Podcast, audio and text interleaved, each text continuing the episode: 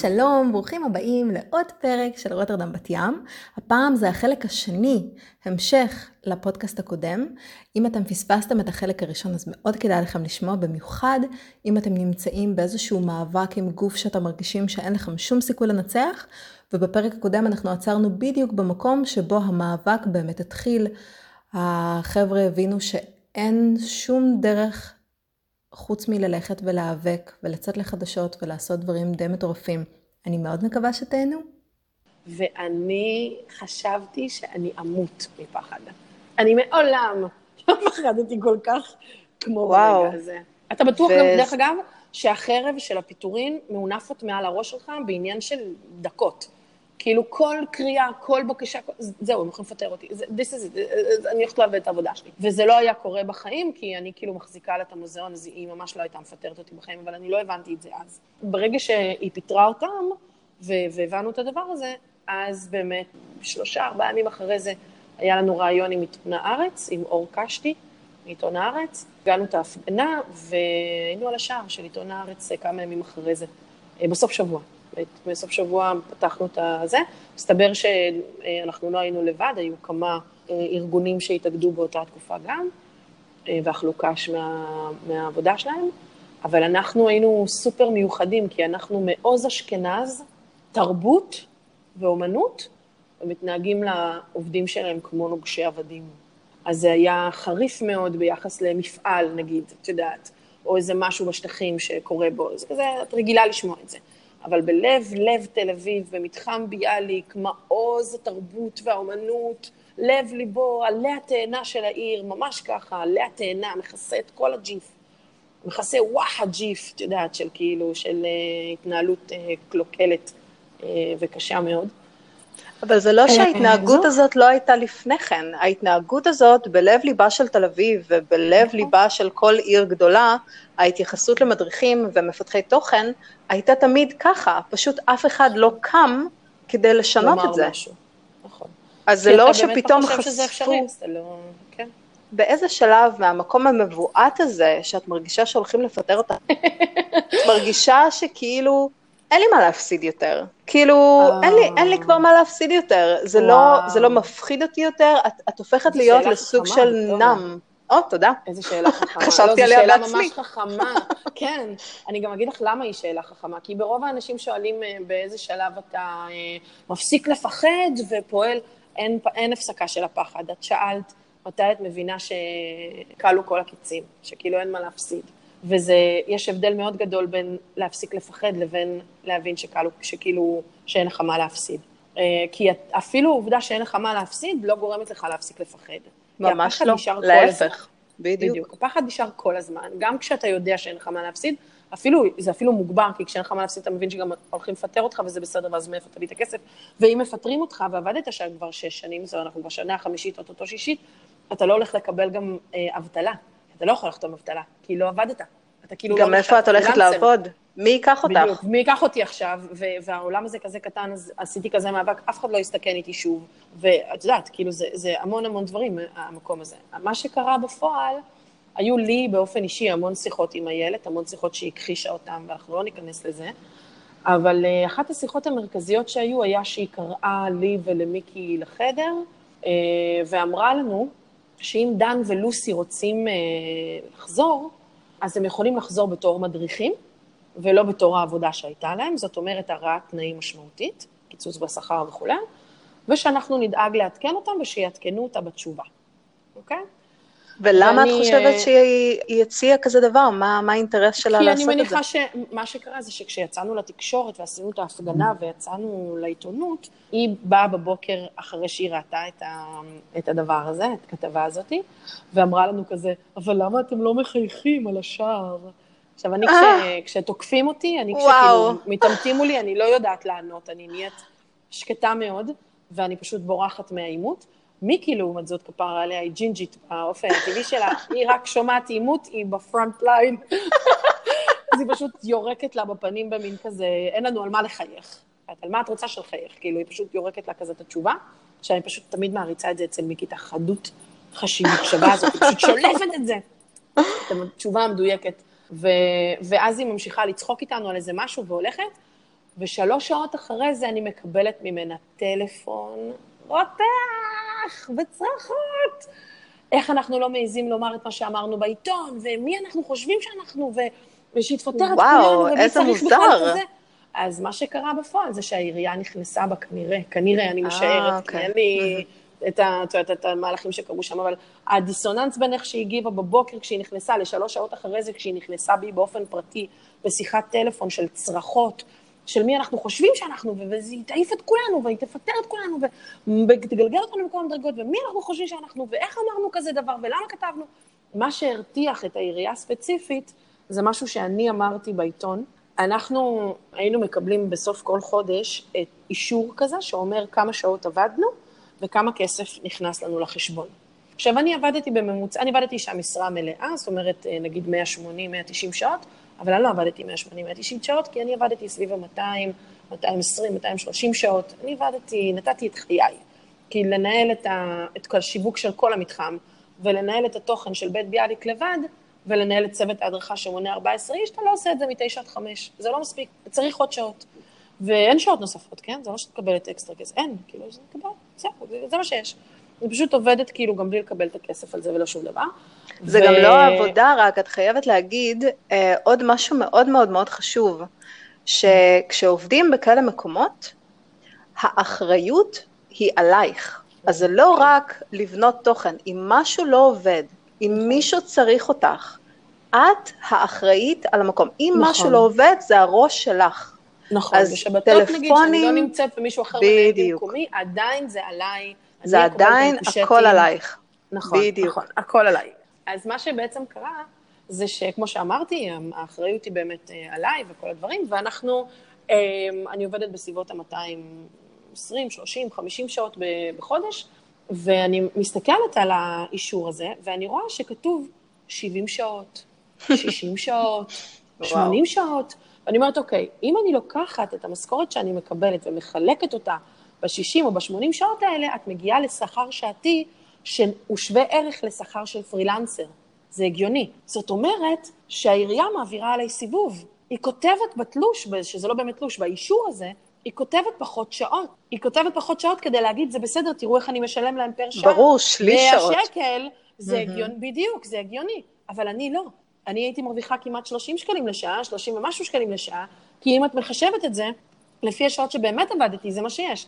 ואת זה אמרתי בעיתון הארץ. אמרתי שהעירייה משקרת בשעות שהיא כותבת. וזה כנראה הרים שם קול צעקה מאוד גדול על העניין. היה שם באמת איזה, איזה עניין מאוד גדול, ואז היא מתקשרת אליי והיא דורשת התנצלות, היא דורשת שנוציא מכתב הבהרה ונדבר עם הארץ וניתן להם זה, כי אם לא, יהיו לזה השלכות אה, הרות גורל ושניקח את זה בחשבון, ואני כמובן אה, מתכנסת בתנוחת עובר ומתחילה לבכות. ברור. זאת התגובה שלי להכל.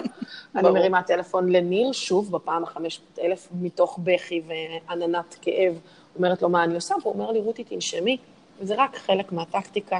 מה שכתבנו נכון, מגובה בהוכחות חותכות, עורכי דיניות, את לא צריכה לדאוג, מה שאמרת הוא אמת, ואת לא צריכה לדאוג, וכל עוד את תמשיכי לומר את האמת, את לא צריכה לדאוג. לעולם אל תשקרי על שום דבר, כי אפשר לבדוק את זה מאוד בקלות. אז לא לנפח את המצב כמצב חמור כמו שהוא. תאמרי את האמת, הוא חמור מספיק, היא חמורה מספיק. עוד אחד מאותם שיעורים שאת מקבלת בצורה מאוד uh, משמעותית במאבק הזה. תאמר את האמת, כשהיא חמורה מספיק, היא עושה את העבודה, לא צריך להוסיף עליה embellishment. ואז uh, חודש אחרי זה, כשאנחנו מקבלים את המשכורת, אה, כתוב על התלוש משכורת שלי 220 שעות. או, oh, וואו. ממש, ממש, כאילו, ואצל כולם, דרך אגב, זה, זה תוקן, ופתאום את אומרת, וואו, אוקיי. אבל זה די מטורף. אם תחשבי על זה, אין שום שבה את יכולה לפתור את הסיטואציה הזאת בינך לבין המעביד שלך. נכון. אין שום דרך, כי את ראית שהם מסבנים ומושכים זמן ועוברים שנים, נכון. ובדרך כלל מה שקורה, בן אדם שעובד באיזשהו מקום כזה, שנותנים לו להיות מאוד יצירתי, הוא בונה לעצמו את התיק עבודות שלו, ואז הוא הולך למקום אחר, ואז יש לו קיבוז. את הפורטפוליו, בדיוק, בדיוק אז כאילו ניצלו אותך. זה מה שהם עשו עם הקודמים גם. בדיוק, היית סוג של אה, אינטרנט, היית סוג נכון. של אינטרנט, המקום נתן לך הזדמנות אה, אה, לגדול, ואז אחרי שגדלת, הוא הוציא ממך את הכל, הוא הרוויח על הגב שלך הרבה מאוד כסף, על כל, ה, נכון. על כל התוכן שבנית, לשנים, לשנים. ועל כל השיווק שאתה עושה, ועל כל השיווק. שלא היו לפני כן. בדיוק, גם ברגע שבנית שם, כבר בנית את השם, זהו, כבר לא נכון, צריך, נכון. אה, זה בנוי כבר. והבית אוקיי, בדיוק נפתח, אנחנו נכנסנו אחרי שהוא שופץ, אז הוא גם כאילו נפתח מחדש, והיה לזה איזה מעין רנסאנס כזה מאוד גדול של בית ביאליק, אז דברים קרו שם, וזה באמת היה מאוד אה, מאוד, מאוד משמעותי. ובשלב הזה, הסנקציות ממשיכות להגיע, זאת אומרת, הם אה, מבטלים לנו את העבודה בימי שישי, לא מאפשרים לנו להדריך בימי שישי, ואנחנו מחליטים שכל סנקציה שתתקיים מעכשיו והלאה, אנחנו נילחם בה בסנקציה משלנו. זאת אומרת, את לא מרשה לנו להדריך בימי שישי במוזיאון? סבבה.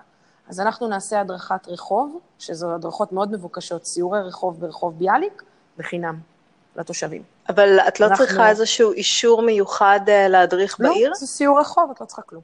אף אחד mm. משום דבר. הוצאנו אישור, הוצאנו פרסום, עיתון הארץ עבדו איתנו מאוד בצורה מאוד אדוקה, במקביל היה לנו דף פייסבוק אה, די פעיל, עם תקציב קטן שהיה לנו עליו, ופשוט דאגנו לפרסם את זה שם, והגיעו אנשים בימי שישי ועשינו להם סיור רחוב.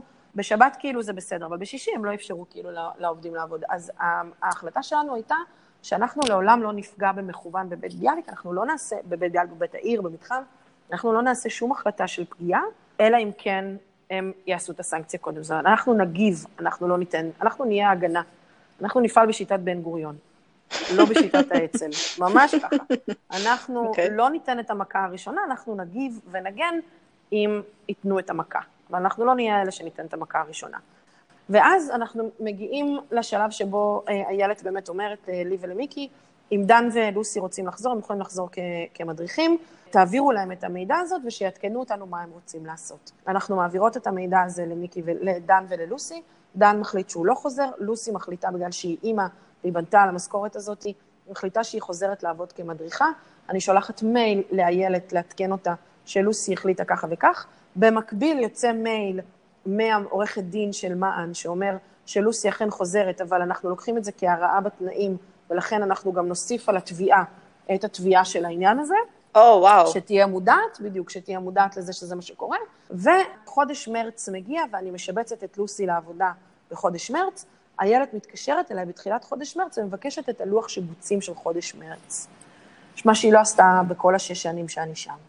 ואני שולחת, חשבתי שזה מוזר, אבל בסדר, הכל מוזר, הכל חדש לי במאבק הזה, אני שולחת לה את השיבוצים של חודש מרץ, ולוסי משובצת איפשהו באמצע החודש, וביום שבו לוסי מגיעה לעבודה, היא, בש... היא עובדת מ-9 בבוקר, בשעה שתיים היא יוצאת, הולכת, ואני בשעה שתיים מקבלת טלפון מהילד ששוטף אותי במקלחת קרה ואומר לי, איזה חוצפנית אני, ששכרתי מחדש את לוסי לעבודה, oh, ומי וואו. אני שבכלל מעיזה להתעסק בשכירה ובפיטורים של אה, עובדים, ו- ושאיך אני, ושהכסף ליום הזה של לוסי יצא מהכיס שלי, אני אשלם ללוסי על זה, וצרחות, ו- ובאמת כאילו באיזה מין, ואני אומרת, תגידי, את נורמלית? אבל א', שלחנו לך מכתב מעורך דין, ב', אני שלחתי לך מייל, ג', ביקשת ממני בתחילת החודש את השיבוץ. למה חיכית שלוסי תגיע עד לכאן כדי להשפיל אותנו כמו שאת משפילה?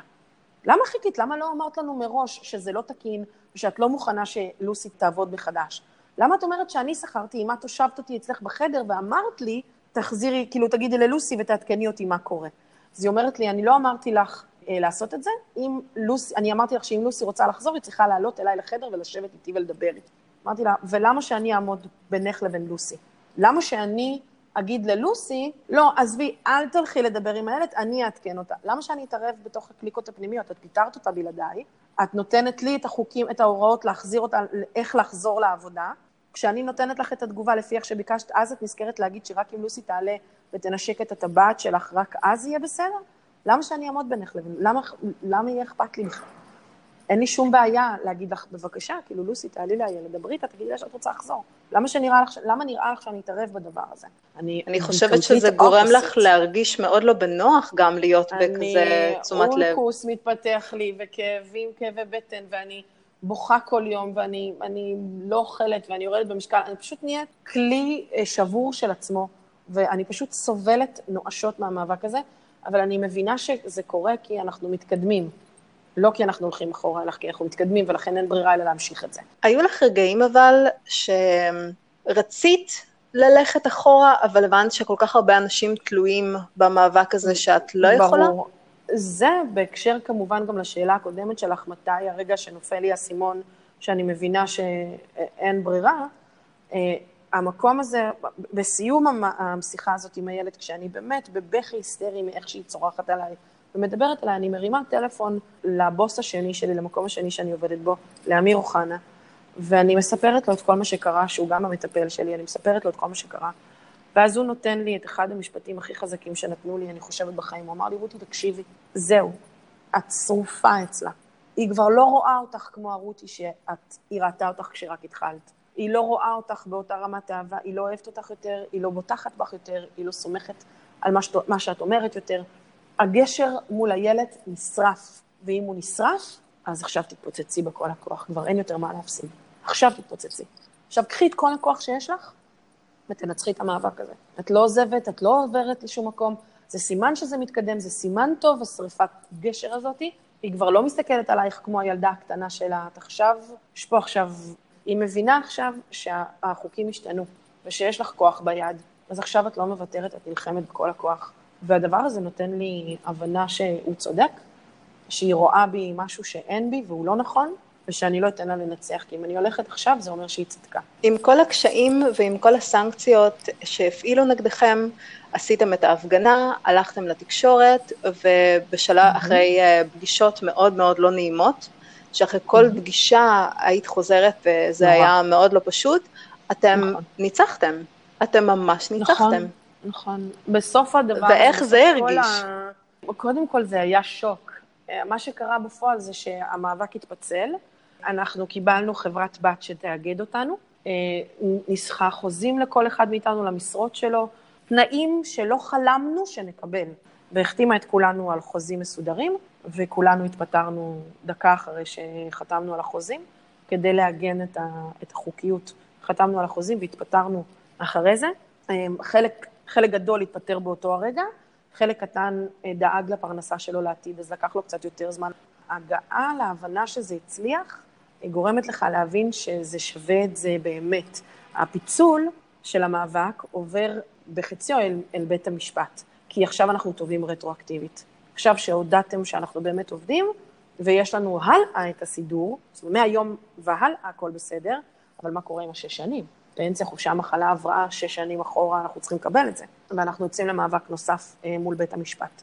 ניצחנו מול העירייה ואנחנו עוברים לבית המשפט. שבעצם בונה על זה שבזה שהעירייה עיגנה איתנו את החוזים ואת החוקים, אומר שהיא באמת רואה בנו יחסי עובד מעביד ומוכנה לתת לנו בעצם את ההמשך, כאילו, הלאה. אז כל עובד שהיום מתחיל לעבוד בבית העיר או בבית ביאליק, בעצם כן. צריך להגיד uh, תודה רבה. תודה רבה, כן. תודה רבה חבר'ה, עברתם uh, כן. זמן לא פשוט. שמאוד מאוד מאוד חישל אתכם, כן? אני נכון. חושבת שהאור שלך הרבה יותר עבה עכשיו. אני עדיין שונאת עימותים, אני עדיין בורחת מהם כמו מאש, אבל אני יודעת להתמודד איתם כשהם באים. את יודעת אה, מה, כן, מה כן. שווה הזמן שלך, ואני חושבת שאם כן. הצלחת לארגן את ההפגנה המטורפת הזאת שהייתה שם, אה, לא אני לבד, שוב, זה ממש חשוב לציין את זה. עשינו בראשון במאי, יום העובד, החלטנו שאנחנו עושים אה, אה, מאבק, אה, אה, הפגנה מאוד גדולה, קראנו לה יוצרים יוצרים זכויות, אה, ופנינו לכל היוצרים שאנחנו מכירים, פנינו לאיה קורם, ליאלי סובול ולחמי רודנר ולהמון המון המון יוצרים, ביקשנו מהם שיבואו לשיר איתנו על הבמה את השירים שלהם ושנדבר על המחאה, והבאנו את כל מי שמען מאגד מהגדה, אה, ומבאקה אל-גרבייה, זאת אומרת, את כל הנשים הפלסטיניות שהם מאגדים, ומצד שני את כל המעוז האשכנזי הביאליקי, ובקבוצה אחת, בכיכר ביאליק, פתאום איזה חזון אוטופי של ערבים ויהודים נלחמים ביחד על הדברים הכי פשוטים, שזה זכויות, זכויות לעבוד בכבוד, נקודה, וזה לא משנה אם אתה מהשטחים או מרחוב ביאליק בתל אביב, אתה, אתה פשוט פועל מאותם המקומות. זה היה ערב אדיר, קסום. 400 איש הגיעו להפגנה הזאת, שמבחינתנו זה היה וואו, כאילו וואו. ו- וזה סוכר כמובן, ובכלל היינו המון בטלוויזיה, היינו בתוכנית הבוקר עם אברי גלעד והיינו עם uh, בן כספית אחר הצהריים, ובעיתון הארץ עקבו אחרי זה, וידיעות אחרונות עקבו אחרי זה, והמאבק היה מאוד מפורסם, הוא היה בכל מקום, דיברו על זה בלי סוף. ו- ואתה מבין שאתה בדרך הנכונה, אתה מבין שאתה... אנחנו מבינים מאוד מהר שאנחנו בדרך הנכונה, וזה ממש חשוב לציין את זה. זה שאיילת סימנה את מי שמוביל את המאבק הזה, זה לא באמת אומר שזה מי שהוביל את המאבק הזה. אנשים מסביב, יעל וימית ומיקי ולוסי ודן וינון, כולם, כולם, אין ארז, כולם נלחמים ביחד, כמו אגרוף אחד, וכל אחד נותן מהעולם שהוא יודע, ועושה טלפונים ומתקשר לזה, ו- וזוהר גם כן, ו- ומיכאל, וכולם פשוט מתאגדים ביחד, קופצים את זה כמו אגרוף אחד, ולא מפקירים אף אחד בתהליך הזה. זה נשמע כמו איזה משהו אוטופי כזה וכמו איזה זה, אבל זה באמת יצר קבוצה של אנשים שמאמינה וחדורה ואוהבת בעומק שלה אחד את השני. ואני יכולה להגיד לך שעל אף העובדה שאני אכלתי יותר חרא מאחרים, עדיין אם מיקי למשל לא הייתה איתי בתוך תהליך המאבק, אם מיקי לא הייתה כל הזמן שולחת לי הודעות כמה היא אוהבת אותי ומאמינה בי, וכמה היא שמחה שזה קורה, ואיזה יופי, ואם מיקי לא הייתה איתי, ולוסי לא הייתה תומכת בי, ודן לא היה אומר לי, תילחמי, הכל בסדר, אנחנו מאחורייך, ואת יודעת, כל הדבר הזה, וארז לא היה אומר לי, ממי, את רוצה לפרוש? כי אם את רוצה לפרוש, אפשר לפרוש. אני לא ליפול עלייך. ובאמת, להשאיר איזה פתח כזה שבו, אוקיי, אני צריכה לבחור, לפרוש או להמשיך. אז זה, זה גוש של אנשים סופר איכותיים, סופר חכמים, סופר חזקים, שנלחמו יחד. באמת, נגיד, יעל לקחה את כל העניין של התקשורת, ואני לקחתי את כל העניין של לדבר עם לקוחות, ומיקי, לדבר עם האומנים ולהזמין אותם, ולוסי, לסדר את הליינאפ של הערב הזה, וכל אחד מאיתנו לקח, וזה היה group effort במובן הכי טהור שלו. נכון תמיד כשאת אומרת group effort, את יודעת שמישהו עבד יותר מאחרים? לא ברור, לא בדרך כלל מי, ש... לא קרה. מי שעבד יותר מאחרים הוא זה שמדבר על ה group effort, אבל אה, זה, זה לא... לא, באמת שלא. לא בחיי שלו, בחיי, בחיי שלו, ממש זה לא, בסדר, זה בסדר, אם זה לא היה מצחיק, לא הייתי אומרת את זה. אבל, אוקיי. אבל, אבל, אבל, אבל, אבל, אבל, אתם כחבורה של אנשים, אתם הייתם שם מההתחלה. אם לא היה לכם מישהו שהיה עומד לידכם, האבא הזה, העורך דין, שאומר, אתם יכולים לעשות את זה. נכון. אתם לא צריכים עכשיו למכור כליה, כל אחד מכם, נכון. כדי לשלם לי איזשהו סכום, כי בלי זה אני לא מוכן בכלל לגעת בקייס שלכם. נכון. אם לא היה את הבן אדם הזה שהיה מאמין במה שאתם עושים ונותן לכם את הכוח, זה לא היה קורה. כי נכון. איך? איך? מי היה מנסח את המכתב לעירייה? ומי נכון. היה עונה לכם לטלפונים כשאתם בפאניקה, לא יודעים מה לעשות, כי עכשיו אה, פיטרו שני אנשים מה, אה, מהצוות. אז זה גם משהו מאוד מאוד חשוב. ומי היה עושה את כל החיבור לתקשורת, ומי היה אה, מנהל איתנו את המשא ומתן, כי היו כמה משאות ומתן במהלך המאבק עצמו, עוד לפני שזה הגיע לבית המשפט, היו את המשאות ומתנים בתוך, ה, בתוך המאבק, להבין מי מאגד אותנו ואיך, ומה הזכויות שנקבל. כל הדבר הזה, אז היה את איה, שהיא עורכת הדין אה, של, שלנו, זאת אומרת, הספציפית במאבק, את ניר, שניהל איתנו את כל המאבק, ואת איילת אחרת, איילת ברעם, שהייתה עורכת הדין שלנו, שניהלה את הקייס שלנו בבית המשפט. אלה הם שלושת האנשים המרכזיים, ובלי קשר, בכל מאבק, כל מלחמה, כל דבר כזה, כל, כל מען מגיעים לכל דבר שאנחנו עושים, לכל הפגנה, לכל זה, כל המתנדבים, כל האנשים מסביב, לא רק הראשים הגיעו וכל השאר אמרו יאללה, יאללה בבעל זה היה כולם. היו למען יש סופרים ואומנים ומשוררים מכל הארץ, הם איגדו בשוהם את הקונסרבטוריום שם ובראש העין, וכל פעם שהיה מאבק, כולם באו למאבק. כל פעם שהיה הפגנה, כולם באו להפגנה, כל מי שהם איגדו. וזה פשוט היה איזה מין חזון אחרית הימים מאוד מוזר לראות את זה ומאוד מרשים לראות את זה, אה, שיש אנשים כאלה, שיש אנשים כאלה ב, ב, במדינה שלנו. ו, ושם גם, דרך אגב, מתחילה, מתחילה, מתחיל הפקפוק שלי בתפיסת עולם שלי לגבי השמאל.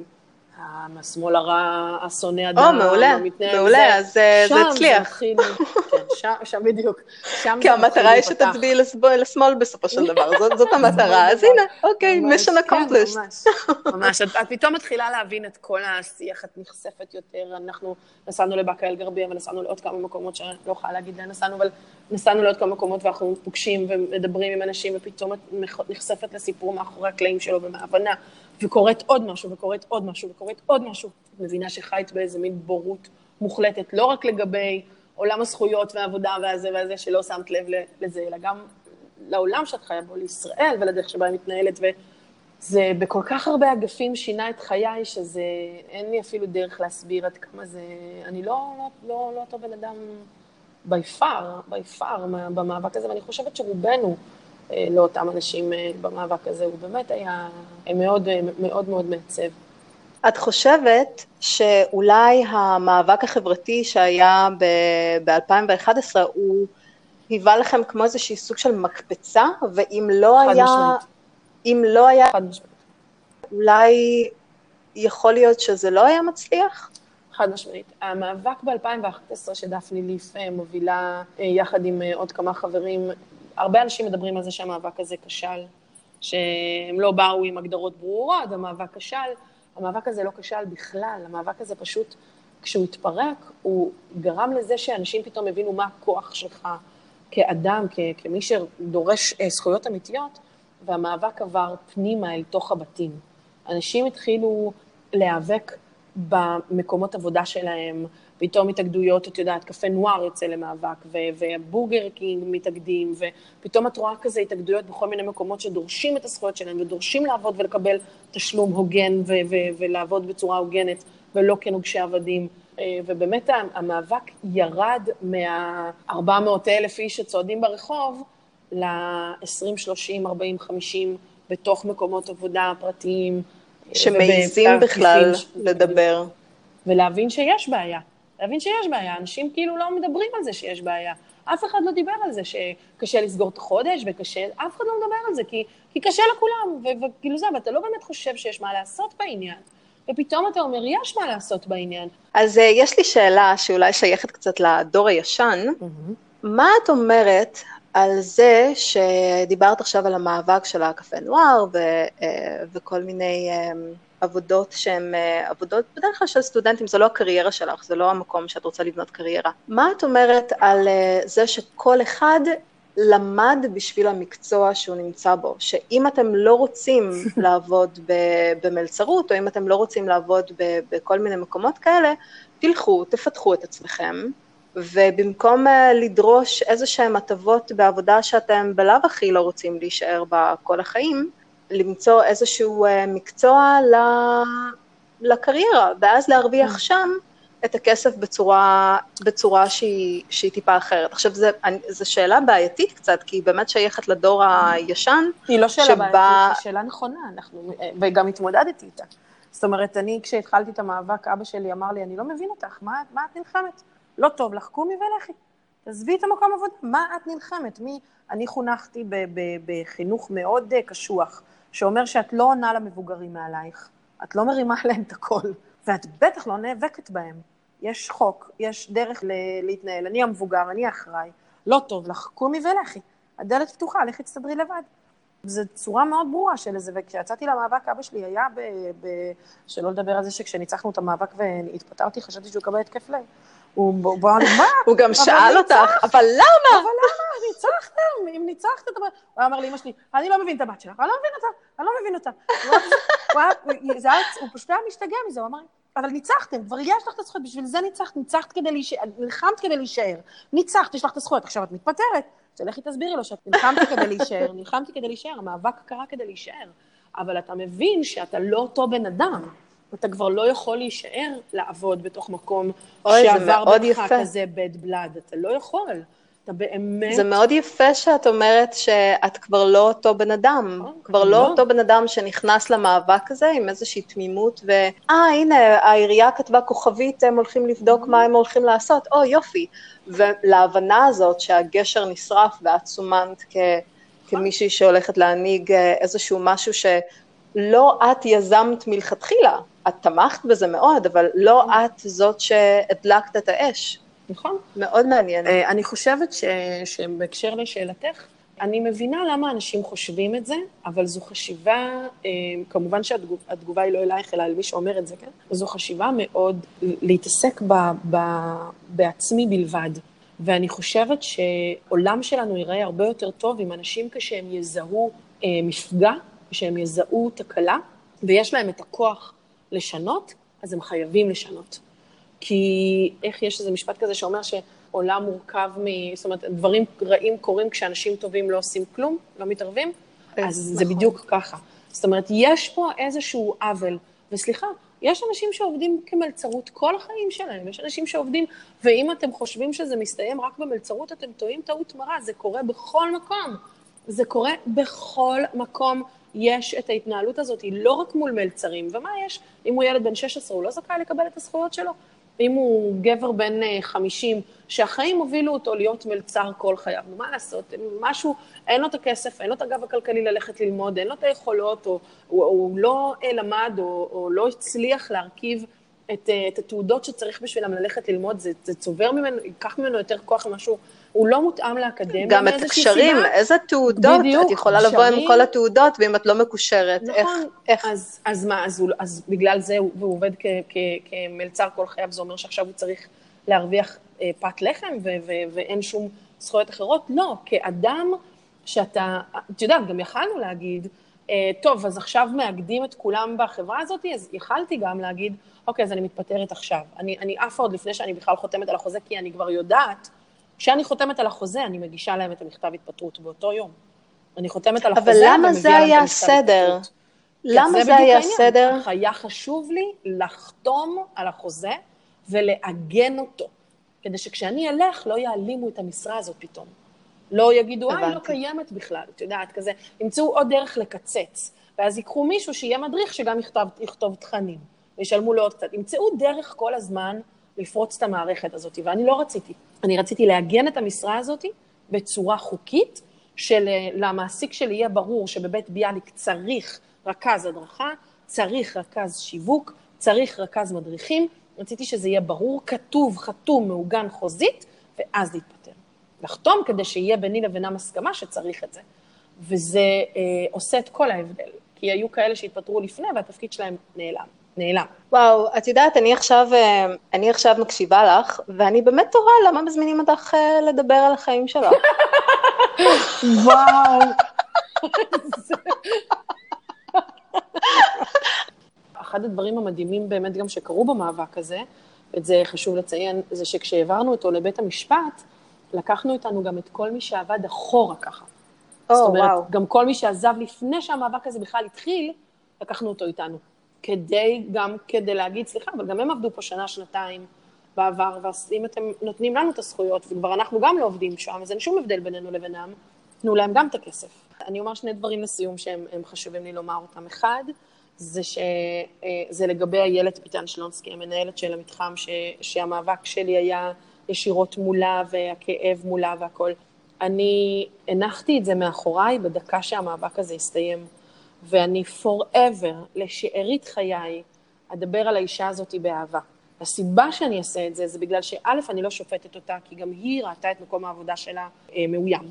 והיא נעמדה על הרגליים האחוריות כדי להגן עליהם, וזה מאבק, וככה זה, יש צד אחד, יש צד שני. היא בחרה את הצד שלה, זה בסדר, זה לא הצד שהייתי רוצה שהיא תבחר, אבל אני מבינה למה היא בחרה אותו.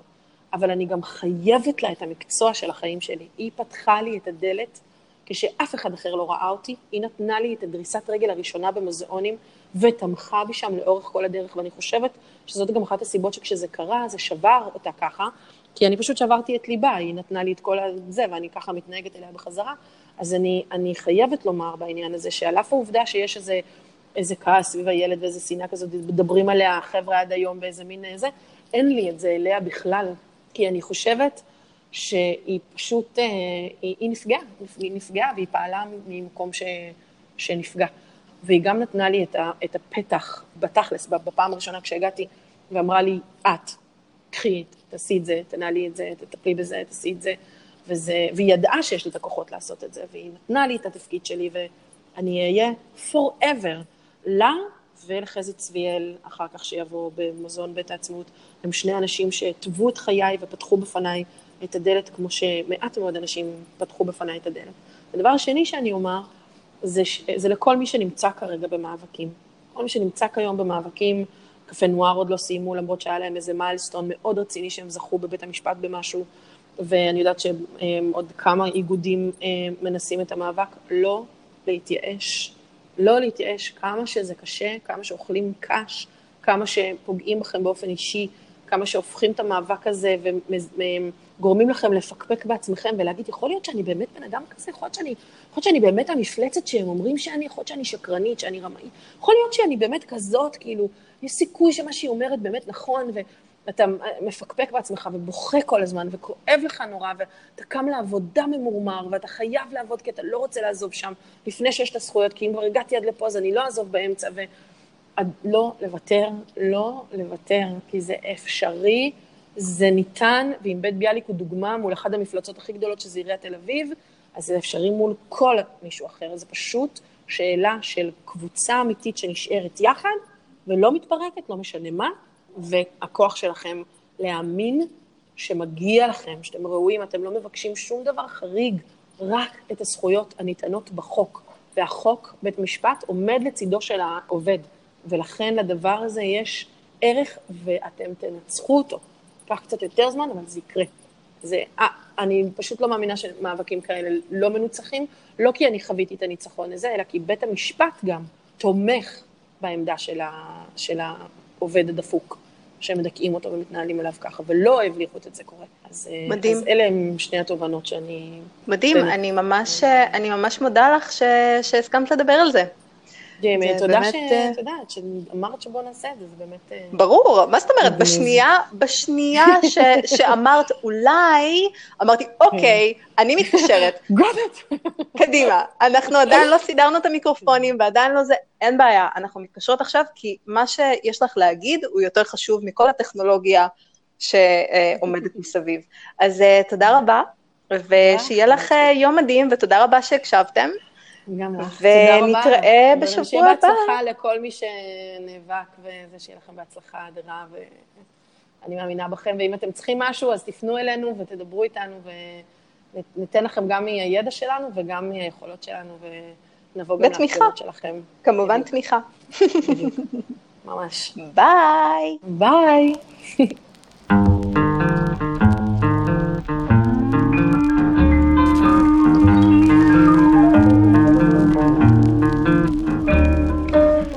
address unknown, not even a trace of you.